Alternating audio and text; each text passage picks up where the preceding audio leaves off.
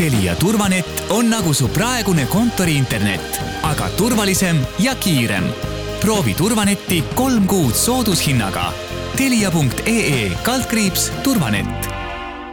kuku raadios välja öeldud seisukohad ei pea ühtima Kuku raadio seisukohtadega. Te kuulate Kuku raadiot. kahevahel. kahevahel tere päevast, kell on kaks läbi, on alanud saade, mis kannab pealkirja Kahe vahel. see tähendab seda, et stuudios on kaks ajakirjanikku, Vallo Kelmsaar ja Ainar Ruussaar. ja meie kahe vahel on istumas Eesti Energia juhatuse esimees Hando Sutter, tere päevast. tere päevast. härra Sutter, kas põlevkivimaardlate ost peaaegu kahekümnendi eest Jordaanias ja USA-s oli viga? Noh, eh, selle aja kontekstis eh, on, on seda võib-olla täna isegi raske hinnata, mis sellel ajal oli, et kui tänast tänast olukorda vaadata ja, ja prioriteete, siis kindlasti oleks teinud teistsuguseid otsuseid. aga mida te, mida te nende maalappidega nüüd peale kavatsete hakata, seal on ju see keskkonnavaenulik tooraine sees? noh, jälle, et kui, kui natukene mõelda Jordaania peale, siis äh, Jordaania selline riik, kus äh, küll on äh, päikest mõnevõrra rohkem kui Eestis äh, ja, ja tuult on seal ka, aga aga Jordaania on aastaid olnud peaaegu sajaprotsendiliselt energia importija ja, ja Jordaanias on ka väga kiire energia tarbimise kasv, kohati kuni viisteist protsenti aastas, seotud natukene Süüria põgenikega ja ja põlevkivi on neil Eestile sarnaselt peaaegu ainak-, ainukene kodumaine tooraine. Ja ma pean vastupidi võib-olla äh, ootustele äh, ütlema, et see elektrijaam, mida siis kunagi see Eesti Energia alustatud projekti pealt ehitati, on käima läinud, esimesed testid on tehtud ja ja ta tõesti hakkab äh, Jordaaniale andma äh, kodumaisest äh, toorainest umbes viisteist protsenti elektrit. et see, see on, see on nii ja, ja ütleme, et meie jaoks on see projekt suures osas minevik, sest, sest ta on ju suures osas on maha müüdud, Eesti Energial kuulub veel kümme protsenti ja kui nüüd jaam saab käima ja tööle, siis katsume selle ka võõrandada. veidi valusam küsimus on vist Ameerika projekt jah, sellega ei ole täna head plaani, et äh, jätkuvalt juht, Utah osariigis on maailma suurimad põlevkivivarud, aga aga kas nendega kunagi seal midagi tegema hakatakse, sinna nad jäävad, seda ei oska täna öelda sest asjad on vaidlustatud veel ja see küsimus on otsustamata, aga Eesti Energia nüüd viimasel ajal rõhub väga rohepöördele, rohelisele tulevikule. miks jätkata põlevkiviga väljaspool Eestit? Ta ei ole meie laual täna, ma noh, ütleme nii, et me, me nendele ajaloolistele otsustele oleme lahendusi leidmas, suures osas need lahendused on leitud, midagi veel on laual, aga aga ta ei ole täna kindlasti meie niimoodi iga, igapäevase, igapäevase töö osa. nii et te keskendute Eestisse ja keskendute rohelisele tuleviku Eestile? noh, Eesti Energia täna siiski nimetab oma koduturgudeks peale Eesti veel kindlasti Lätit, Leedut, Poolat ja Soomet, nii et et äh, nii, nii ma päris öelda ei saa, et äh, keskendume Eestile, aga, aga muus osas on veidi õige Te olete päris konkreetselt välja öelnud nüüd oma tulevikuplaanid aastaks kaks tuhat kolmkümmend loobuda põlevkivi elektri tootmisest, aga mitte põlevkivi enda kasutamisest. nii on jah, et äh, põlevkivi ressursina äh, peab aru saama, ma olen seda nii palju selgitanud näiteks Euroopas kolleegidele ja ka väljaspool Euroopat, et mis on näiteks põlevkivi ligniidi vahed või pruunsusi vahed, et et nendel on päris oluline vahe, sest põlevkivi on selgelt kasutatav keemiatööstuse toorainena. ja, ja, ja kuna põlevkivi on jätkuvalt ka Eesti põhiline maavara, siis noh, kergekäeliselt öelda, et me temaga enam mitte midagi ei tee, ka tänases tänases maailmas oleks natukene ennatlik, et me usume, et põlevkivist on võimalik väärtust luua Eestile ka peale seda, kui tõesti me oleme süsinikuneutraalsed. On see aasta kaks tuhat kolmkümmend ja põle, põlevkivielektri tootmise lõpetamine kindel ja kivisse raiutud eesmärk, seda on väga raske ümber pöörata kõik on võimalik no.. vaadake jälle, et natuke põnevust maha võtta, siis ega see muutus on tänaseks suures osas juba toimunud. Ja, ja, ja kui me räägime neid tuleviku aastaid, siis noh, mida tulevik toob, me võime teha väga-väga tõsised plaanid, aga mis tegelikult saab, noh, me teame ise, et kõik plaanid on valed, eks ole, et tegelikkus on nagunii teistsugune, kas natuke või palju, seda me saame hiljem teada, aga aga kui me vaatame seda, mis on juhtunud põlevkivi kasutuses viimase kolme aastaga, et suur osa ju Eesti põlevkivist on läinud aastakümneid elektri tootmisse. noh, täna läheb näpuotsaga, praktiliselt ei lähe. ja Eesti Energia põlevkivi kasutus on viimase kolme aastaga umbes kuueteist miljonit tonnit aastas langenud sinna kuue-seitsme miljoni tonni peale ja see on tulnud puhtalt põlevkivielektri arvelt. ligi kaks tuhat inimest Ida, Ida-Virumaal on töö kaotanud ja, ja see muutus on tänaseks tehtud ja ma arvan, ta on suhteliselt pöördumatu, nii et meie põlevkivi kasutuses viisteist kakskümmend protsenti täna läheb elektrisse, aga, aga kui me Eestit tervikuna vaatame, siis tegelikult põlevkivi põhiliselt kasutatakse täna vedelkütuste tootmisel see muutus on ju suuresti toimunud mitte nii-öelda Eesti Energia vabal tahtel, vaid turutingimustest mõjutatuna. aga kui põlevkivi kaevandamine jätkub, siis kuidas teie tulevikus näete, et kui palju need kaevandamismahud muutuvad võrreldes elektri tootmine versus keemiatööstus? noh, te ütlesite turutingimused, kas äh, Äh, keskkonnapoliitika on turg või poliitika, et see, see, selle ma natukene tõstaks üles, et, et kui, kui vaadata, siis täna äh, taastuvelektri tootmist Eestis äh, toetatakse umbes saja miljoni euroga ja siis põlevkivisektor maksab umbes sada miljonit eurot keskkonnamakse aastas, et et see on siiski väga selgelt poliitika ja, ja see poliitika mõistetav, arusaadav, me oskame, oskame, kõrvad-silmad on lahti, me saame aru, kuhu maailm suundub, et selles mõttes noh, ütleme, et äh, poliitiliselt on võimalik ju suunata kõike majandust sinna, kuhu, kuhu tahetakse minna ja, ja, ja, ja, ja tõesti, et põlevkivist äh, elektri tootmine, äh, kus meil keskkonnamaksud ühe ühiku kohta on täna circa kaheksakümmend protsenti oma hinnast, ei, ei, ei ole tõesti väga konkurentsivõimeline. aga kui nüüd põlevkivi kaevandamise mahte rääkida, siis noh, ma usun, et tänases maailmas, kus naftatoodete tarbimine on kenasti taastunud, äh, nafta hind on siin viimaste aastate tipus praegu, Eesti ilmselt sellel aastal äh, põlevkivi äh, vedelkütused on üks põhiline Eesti ekspordiartikkel, annab tööd paljudele tuhandete inimestele, Eestile ka väga korralikult maksutulu. et äh, nii ta täna on ja, ja ma arvan, et sellises mahus äh, põlevkivi pluss võib-olla uue põle-, õlitehasega umbes kaks pool miljonit juurde, et see võiks olla noh, järgmise kümne aasta jooksul selline põlevkivi tarbimise tase. kaks pool miljonit juurde siis põlevkivi tootmises? jah. teeme siinkohal väikese pausi ja jätkame pärast seda kahevahel. kahevahel. saade Kahevahel jätkub, Kuku stuudios on ajakirjanikud Vallo Kelmsaar ja Ainar Ruussaar ja Eesti Energia juht Hando Sutter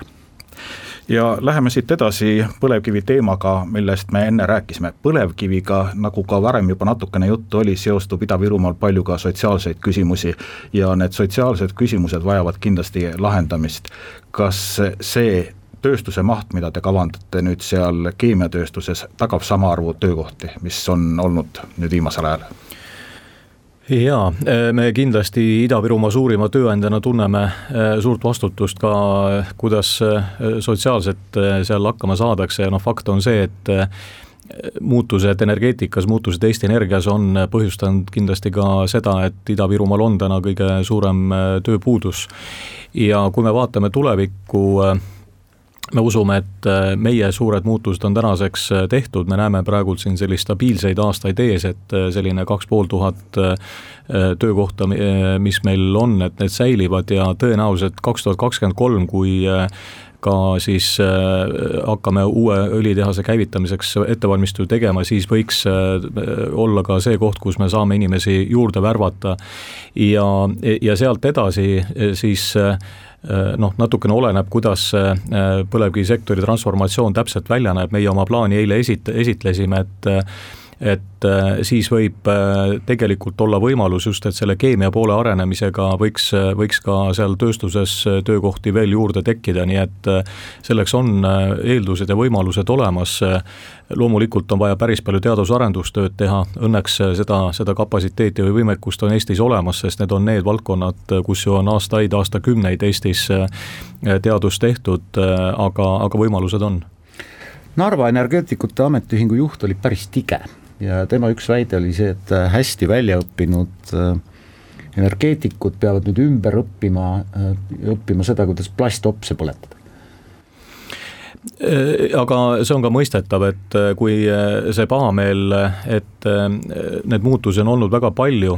kui, kui noh, ütleme Eesti Energias, kui natukene veel pikemat perspektiivi vaadata, siis viisteist aastat tagasi töötas Ida-Virumaal ju kaksteist tuhat inimest. täna kaks tuhat viissada, et, et võib-olla noh, kui seda kogu seda muund-, muundumise lugu nagu rääkida, et me jah, vaatame täna seda hästi lühikest perspektiivi, aga see on olnud Ida-Virumaa inimestele üks selline lõputu muutuste, muutuste jada. Ja, ja tegelikult nad on olnud tublid, noh, need muutused on kaasa tehtud, nad, seda on mõistetud, on õpitud uusi asju, on õpitud uusi ameteid ja nii edasi, aga siiski, et noh, see töökohtade kadumise tempo on siiski olnud kiirem kui see, mis sinna juurde tuleb, nii et Äh, noh, ametiühingute sellist muret, natukene ka sellist frustratsiooni ma, ma suudan,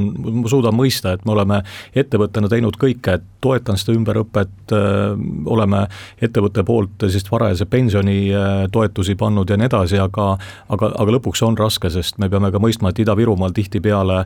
see üks energiasektoris töötav äh, tavaliselt hea palgaga töötaja on äh, ka ju peretoitja, nii et kui temal töö on läinud, siis on terve pere hädas. no Eesti Energia roll sotsiaalses mõttes on Ida-Virumaal ikkagi väga oluline ja kui me vaatame statistikat, siis Ida-Virumaal on hästi palju vanu inimesi, pensioniealisi, seal on Eesti keskmisest väiksem palk ja natuke tundes ühe Ida-Virumaa piirkonna noori inimesi, siis nende valdav mõte on, et ära siit aga kui jällegi numbreid vaadata, siis äh, see trend on olnud seal ju päris palju viimaseid aastaid ja Ida-Virumaal on ka üks piirkond äh, Eestis, mis äh, kus inimeste arv on kõige kiiremini kahanenud, nii et see mitte ei, noh, ei ole ühe noore inimese tunne, vaid seda kinnitab ka statistika.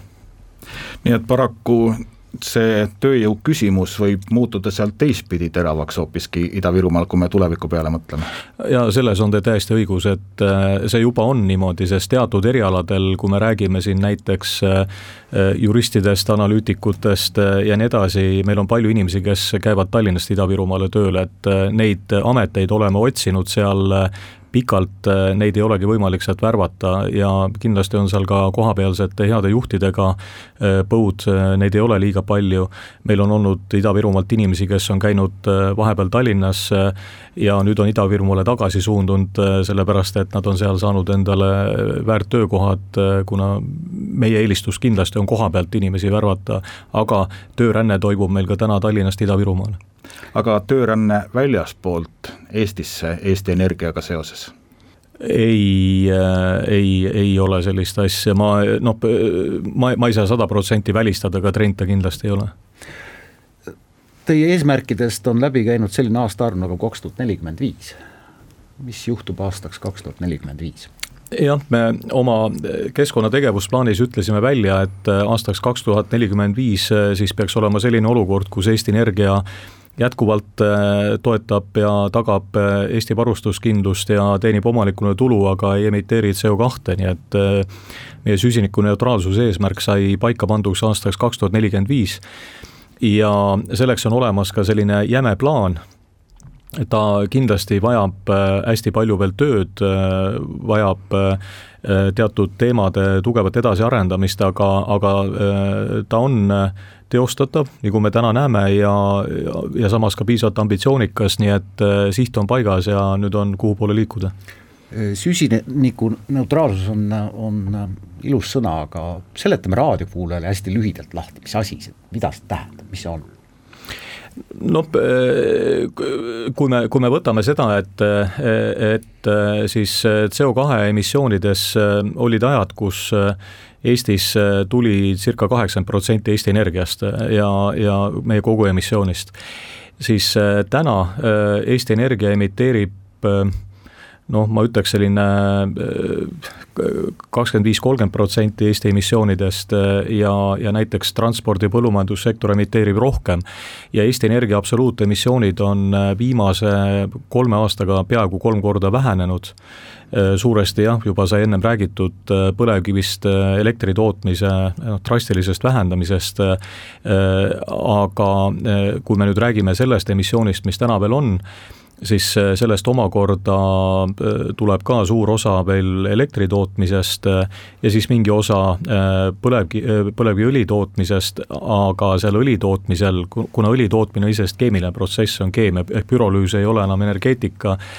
seal on siis kaks asja, üks on uttegaas, mis selles protsessis tekib ja täna me teda põletame, seal põletamisel tekib CO2 ja teine on siis poolkoks ehk reaktorist tulev natukene orgaanikat sisaldav eh, siis põlevkivijääk ja enne kui me selle loodusse suuname, laseme ta järelpõletuskattest läbi, et see orgaanika kätte saada, sealt tuleb ka natuke CO2, no sellega me peame tegelema, et eh, ja kui sellega hakkama saame, siis me oleme enam-vähem seal. Teie rohelised eesmärgid on väga sümpaatsed, aga, aga mida teha siis nende teiste suurte ettevõtete ettevõtetega, kes ka õhtu saa-, õhku saastavad, no sealsamas Ida-Virumaal on Viru Keemia Grupp, vähemalt kui visuaalselt neid korstnaid vaadata, siis on päris hirmus noh,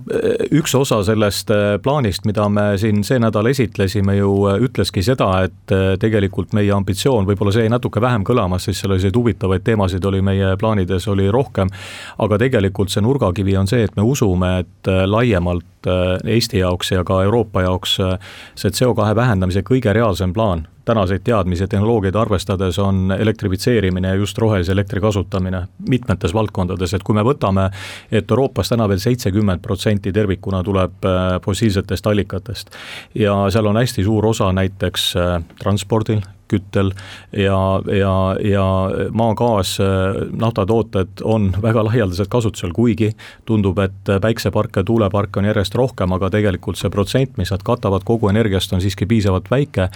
ja eh, me usume, et kui me nüüd eh, aitame siis eh, erinevate sektori klientidele, et tõesti valdkonnad on väga erinevad ja energiakasutus on ka väga erinev, teha plaani, kuidas siis seda energia tarbimist asendada rohelise elektriga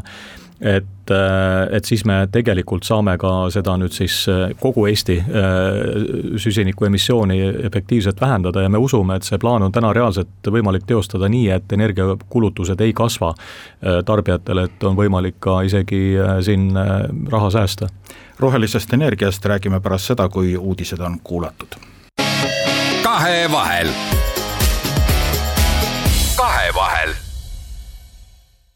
jätkame saadet Kahe vahel, stuudios on kaks ajakirjanikku, Vallo Kelmsaar ja Ainar Ruussaar ja meie Kahe vahel on Eesti Energia juhatuse esimees Hando Sutter. Hando Sutter, ma pean tunnistama, et ma ei ole märganud ühiskonnas erilist debatti selle üle, milline peab olema meie enda elektritootmise võimekus täna ja, ja, ja homme. milline see peaks olema, arvestades ka riiklikku julgeolekut? No eks see on natukene keerukas teema, et, et ega me ju iga päev ei mõtle ka selle peale, et kust hapnik tuleb, mida me hingame, et me lihtsalt oleme harjunud, et ta on olemas ja, ja ei kujuta ettegi, et teda ei ole, et elektriga on ju peaaegu samamoodi, et et hommikul tõuseme üles, paneme lambi põlema, ta põlema läheb ja noh, võib-olla ongi hea, et inimesed ei pea selle peale mõtlema, kust see elekter tuleb, sest ta on ju alati olemas. Et eks ta, eks ta on noh, ütleme elu äh, ja ühiskonna sõltuvus äh, elektrist äh, suureneb kogu aeg äh, ja selle tõttu ka varustuskindlus on väga-väga oluline teema. Ja, ja, ja siin ei ole isegi ainult oluline, et kas on piisaval hulgal elektri tootmisvõimsusi, aga siin on juba sellised asjad nagu ütleme siis bilansi hoidmine, mida rohkem tuleb taastuvat elektrit, mis on ju täiesti kontrollimatu, et kui päikeseelektri tootmist on juba nii palju nagu Eestis, siis üks pilv käib üle Eesti ja sellel hetkel ju päikeseelektri tootmine kohe hüppeliselt väheneb, see tuleb millegagi kompenseerida, rääkimata jaanuariööst, kus ei ole tuult ega päikest ja Eesti tahab ka energiat saada, et need on sellised teemad ja kui me võtame veel edasi see on juhitamatu protsess tegelikult. see on, see on juhitamatu inimese poolt suhteliselt jah, et alla saab kormata, aga üles mitte, kui tuult ja päikest ei ole. Et äh, ja, ja nüüd, äh, kui me võtame kaks tuhat kakskümmend viis, et äh, see on siis see aasta, kus Balti riigid peaks siis lõplikult Venemaa elektrisüsteemist eralduma ja siiamaani väga paljud süsteemiteenused nii-öelda noh, need, need siis, mis hoiavad süste-, süsteemi käimas, tulevad sealt suurest Venemaa energiasüsteemist, noh, millele me oleme väga väike osa, väga väike satelliit, siis me peame palju rohkem ise hakkama saama. ja noh, selleks aastaks on vaja kõvasti ette valmistada, et me tõesti igal hetkel tuled põleksid ja oleks piisaval hulgal energiat. nojah, elektrit ei saa ka paraku suurtes kogudes kuhugi lattu varuda. No järjest, järjest rohkem saab ja, ja see on kindlasti üks äh, teema, mida, mida ka meie äh, arendame. näiteks äh, noh, me praegult oleme pilootklientidega, kus on päikeseenergia lahendused, ka oleme pannud salvestuslahendused tarbija juurde. Ja ma usun, et et äh, see on nüüd trend, mis hakkab väga-väga kiiresti ka arenema, nii et kui me oleme juba üle Eesti, näeme järjest rohkem päikeseparke, sinna juurde hakkavad tulema ka salvestuslahendused, mis töötab ühtepidi äh, siis sellesama päikeseenergia äh, salvestamisena, aga teisalt ka sellesama varustuskindluselemendina ja ta, need salvestustehnoloogiad muutuvad järjest taskukohasemaks ja arvestades veel hinnakõikumisi elektriturul, kus on võimalik ka läbi salvesti kõvasti oma kulusid juhtida, siis ta muutub hästi kiiresti tasuvamaks. ja siit edasi eh, noh, me räägime hüdropumplatest, meil on praegu ju plaan Estonia kaevanduse baasil, selline Estonia kaevanduse taaskasutusprojekt, et sealt on viiskümmend aastat põlevkivi kaevatud, maal on Tallinna linna suurune auk, eh, et Äh, seda on võimalik kasutada alumise reservuaarina ja samas on aherainet mägedesse pandud seal aastakümnete jooksul päris palju, seal on ülemreservuaar kõrguste vahe, mida Eestimaal väga tihti ei ole, on seal olemas. ja me tahaks juba kahekümne viiendal aastal seal ka sellise hüdrosalvesti äh, äh, käiku anda, mis on siis mahu poolest oluliselt suurem salvesti kui, kui aku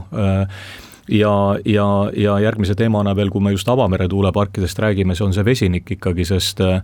tehnoloogiana täna vesiniksalvestus on täiesti olemas, ta lihtsalt on veel natukene kallis, aga, aga tõesti, kui suuremahulist taastuvenergiat arendada, siis ma arvan, et on kindlasti perspektiiv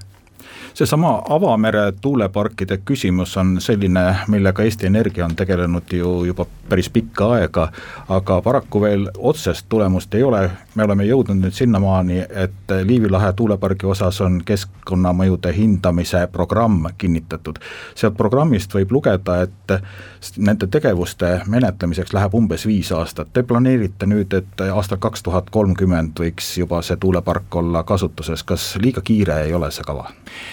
Otsest tulemust ei ole, on muidugi eh, noh, selline kõrvalt, kõrvalseisja hinnang, et, et selliste projektide ettevalmistus ongi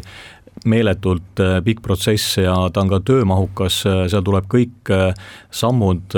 väga-väga täpselt läbi käia ja ma arvan, et otsene tulemus on see, et Liivi lahe projekt on täna kogu regioonis kõige kaugemale arenenud avamere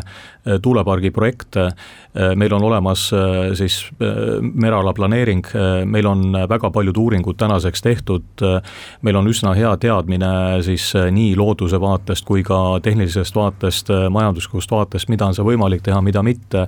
ja tõesti, me oleme jõudnud keskkonnamõjude hindamise etappi, praegult on rahvusvaheline hange käimas, otsime sinna hindajat, et noh, sellises,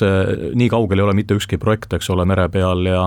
ja, ja, ja, ja tegelikult on see väga käegakatsutav tulemus, nii et äh, siit on võimalik edasi minna ja me usume, et, et avamere tuulepargi energia on täna väga konkurentsivõimeline ja, ja seda rohelist elektrit on vaja, sellest rääkisime, nii et, et ma usun, et see, see on päris hea koht, kust edasi minna. selliste suurte projektide puhul on alati neid, kes on vastu, isegi kui asi on roheline. mures on kalurid, mures on linnukaitsjad Äh, linnukaitsjad väidavad, et tuulepargid võivad äh, selle nii-öelda lindude elu segi lüüa, kalurid kardavad, et kas see tuulepark äh, ei peleta neid oma kalastamiskohtadest eemale, miljon muud sellist küsimust. vaateaknast, Kihnu inimesed. jah, vaateaknast. aga jällegi, see on väga mõistetav, et minu äh, suvekodu on ka Sõrves sellise koha peal, kus potentsiaalselt võiks üks tuulepark hakata, hakata nii-öelda kaunist mereidülli muutma, et et ma, ma täiesti mõistan neid inimesi ja, ja, ja nende kõigiga tuleb rääkida. Äh, tegelikult on meil juba näiteks ornitoloogidega on meil päris palju uuringuid tehtud ja ka seda plaani on juba nende leidude põhjal korrigeeritud. näiteks äh, kui me räägime näiteks kalastajatest, siis äh, kaluritest, seal on, seal on noh, väga spetsiifilised probleemid, et ma ei hakka neid siin praegult ette lugema, aga, aga seda on võimalik mõista Äh, ja isegi visuaali on võimalik sättida täna niimoodi, et kui me vaatame siis põhilisi kohti, kus inimesed liiguvad ja vaatavad näiteks, et kuidas see tuulepark on merel paigutatud, nii et see visuaalne häiring oleks minimaalne, aga mis on veel eriti oluline, et tegelikult äh, kohalik kasu peab olema reguleeritud. ehk, äh, ehk peab olema hästi selge, et need, kes mingil moel saa-, kelle elu saab siis mõjutatud sellest tööstusobjektist, et kuidas nemad sellest kasu saavad ja, ja siis ilmselt läheb palju lihtsamini ja see on praegult ka riigi poolt ettevalmistamise kohaliku kasu regulatsioon seesama kohalik kasu, nimetagem seda tinglikult präänikuks, mis neile kohalikele inimestele antakse, et kas te olete juba mõelnud, millised on need präänikud siis, mida pakutakse näiteks Liivi lahe kaluritele või Kihnu elanikele või neile, kes oma aknast ei taha näha tuulegeneraatorit? see seadus on ettevalmistamisel ja olen projekti näinud, selles mõttes olen näinud jah, et mis see saab olema ja, ja ta peaks olema siis läbi kohaliku omavalitsuse siis mingi osa selle objekti tulu jagamine ja mis jõuab ka siis äh, selle omavalitsuse mõjutatud äh, inimesteni, et äh, seal on mingisugused esialgsed plaanid on olemas,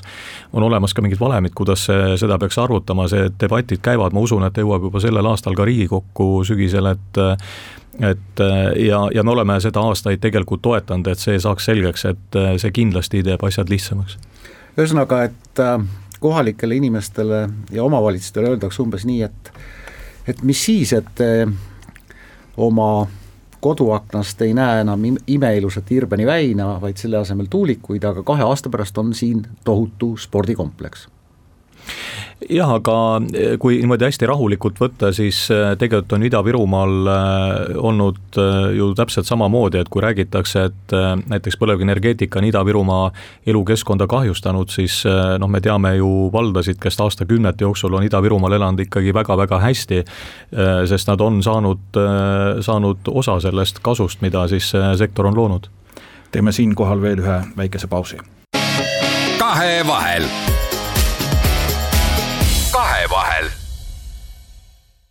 Läheme saatega Kahevahel edasi, stuudios on ajakirjanikud Vallo Kelmsaar ja Ainar Ruussaar ja külaliseks meil Eesti Energia juhatuse esimees Hando Sutter.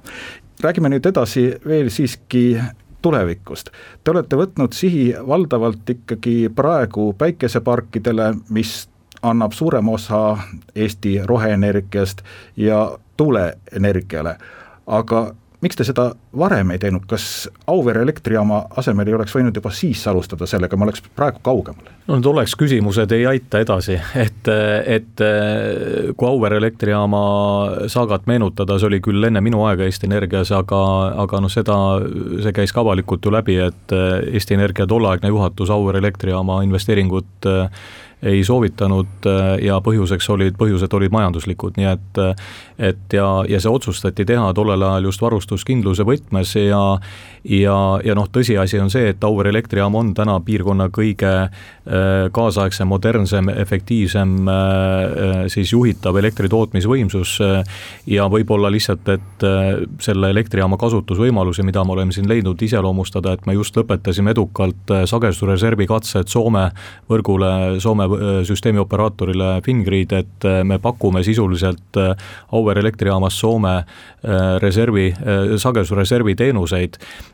Ma, ma ütlen, et see on ka natukene treening, et aastaks kaks tuhat kakskümmend viis, kui Eestil seda vaja läheb, et olla selleks valmis ja me oleme sellist laadi teenuseid valmis pakkuma Auvere elektrijaamast, et et tõesti, et mida rohkem tuleb taastuvaid elektritootmisvõimekusi, seda rohkem tegelikult on vaja ka seda nii-öelda noh, varu, varujaama või, või siis stabiilsust hoidvat jaama ja selleks kindlasti Auvere jaam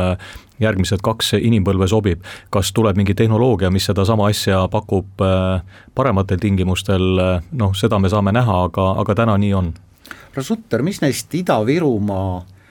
äh, noh, mõneti isegi vaatamisväärsustest, hiiglaslike korstendega hiiglaslikest elektrijaamadest siis viiekümne või viieteistkümne aasta pärast saab? Nende lammutamine on ilmselt kallis. noh, kui te Narva järgmine kord satute, siis äh, võtke üks ajalooline pilt Balti elektrijaamast kaasa, kus oli uhkelt kaksteist korstent reas ja vaadake, palju neist alles on jäänud, et ei ole palju, nii et äh, noh, nii see kõik lähebki, et kui äh, elektrijaam oma elutsükli lõpetab ja me oleme ju siin viimasel mõnel aastal pannud päris mitu vana põlevkivielektrijaama kinni ja ja siis need korstnad ka kaovad ja see on üks osa sellest elektrijaama elutsüklist, et alguses on kõvasti tööd, et üles ehitada, siis ta teenib ühiskonda ja, ja, ja siis need korstnad ka kaovad, nii et nii see, nii see elu käib. istume meiegi praegu endises tehas, tehasehoones. täpselt nii, et võib-olla, võib-olla tuleb sinna mõni raadiojaam. Need järgnevad kaks inimpõlve, mis te mainisite, laias laastus viiskümmend aastat, mida siis kütusena kasutatakse Auveres? Noh, ja Auvere on soojuselektrijaam olemuselt, et ja seal võib kasutada väga erinevaid kütuseid, ta on hübriidjaam, ta suudab, ta on ehitatud selliselt, et tegelikult just varuskindlu-, varustuskindluse aspektist kasutada erinevaid Eestimaa, Eestimaal olevaid kütuseid, lisaks põlevkivile kindlasti jäätmepuit on üks asi, mida seal saab kasutada, turvas näiteks, aga ka uttegaas, mis jääb põlevkiviõli tootmisest järgi, et noh, neid kütuseid on erinevaid ja me täna oleme seda Auvere elektrijaama nüüd äh, edasi arendanud niimoodi, et me juba selle aasta lõpuks oleme võimelised töötama nii, et põlevkivi osakaal on kõigest viisteist protsenti. aga potentsiaalselt, nagu me ütlesime ka strateegias välja, et äh, suudame õige varsti juba töötada ka ilma põlevkivita, nii et äh, et see, et me põlevkivi kasutamise lõpetame, ei tähenda seda, et Auvere elektrijaam jääb seisma. piltlikult öeldes siis tõesti see puit, mida kusagil enam vaja ei ole ja jogurtitops ja no jogurtitopsi me ei plaani põletada, jogurtitopsi me plaanime pürolüüsida, seal on väike vahe sees, see on keemiline protsess, et eh, kui me jogurtitopsi põletame, mida täna enamasti Eesti jogurtitopsidega tehakse, siis eh, on ju ilmselge, et see on sama, noh, umbes sama kui eh, õli põletamine kütteks, eks ole, et sealt on päris korralik emissioon, aga kui me suudame jogurtitopsi keemiliselt ümber töödelda uuesti õliks ja, ja võib-olla selliseks õlist, milles, millest saab polümeriseerimise kaudu uusi jogurtitopse toota, siis see on küll keskkonnale meelepärane tegevus tegevus. seesama keemiatööstus, millist vahekorda te näete tulevikus energia tootmisel ja keemiatööstuses Eesti energia vaatevinklist?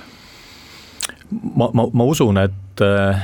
pürolüüs tehnoloogiana, eh, noh, mida siis kasutatakse Eestis eh, põlevkiviõli tootmisel, on eh, väärtus omaette. ja, ja, ja ta on väärtus sellepärast, et seda on tööstuslikult Eestis väga palju aastaid tehtud, meil on väga palju kogemust, aga ka sellepärast, et meil on akadeemilist teadmist selles vallas päris palju. ja seda pürolüüsi jällegi tehnoloogiana kõrvale heita ei tohiks, siin tuleb edasi mõelda, mida sellega teha ja, ja umbes kolmandik plastijäätmest Euroopas on selliseid, mida ei osata täna korralikult ümber töödelda ja seal see pürolüüs ja ehk keemiline ümbertöötlemine, et me põhimõtteliselt nii-öelda need polümeerid depolümeriseerime tagasi siis äh, algallikaks läbi selle keemilise protsessi, on väga potentsiaalne. see on suur keskkonnaprobleem, mida me saaksime seal lahendada. ja kui me selle noh, ütleme, et siis selle õli, mis tekib, et ei suuna seda nagu laevakütusteks nagu täna, eks ole, kuigi ta on taaskasutatud, eks ole, vaid paneme ta uuesti keemiatööstusesse, toodame uusi polümere, noh, mis meie elust ei kao ei kümne, kahekümne ega kolmekümne aastaga, see, see on üsna kindel. et äh, see on väga suur võimalus ja, ja siin on, see on, see on, ma ütleks, et üks äh, selline Eesti äh, võib-olla väärtus, mida, millest ei ole ka väga palju räägitud, nii et et noh, tehnoloogia ei ole süüdi, et me kasutame seda tehnoloogiat täna just põlevkivi ja merekütuste tootmiseks ja kui me tahame sellest valdkonnast noh, välja tulla, ka see tehnoloogia, ka need seadmed ja teadmised, akadeemilised teadmised on kindlasti väga-väga kasulikud aga see vahekord, kas tulevikus võiks olla Eesti keemiatööstus, mis muuhulgas toodab ka energiat ehk elektrit? jah, see visioon umbes seda ütleb, jah. tulevikus siis see põlevkivi, mis jääb maa sisse, jääb maa sisse, nii nagu fosforiit jäi maa sisse. No fosforiit ei ole ka veel maa sisse ju jäänud, sest fosfaatväetised on kasvava turuga ja Euroopa sõltub impordist väga palju, neid tuuakse ju sisse Euroopa Liitu ja, ja intensiivne põllumajandus vajab sedalaadi väetised, et, et noh, jällegi, et siiamaani teda ei ole kasutatud, seal on kindlasti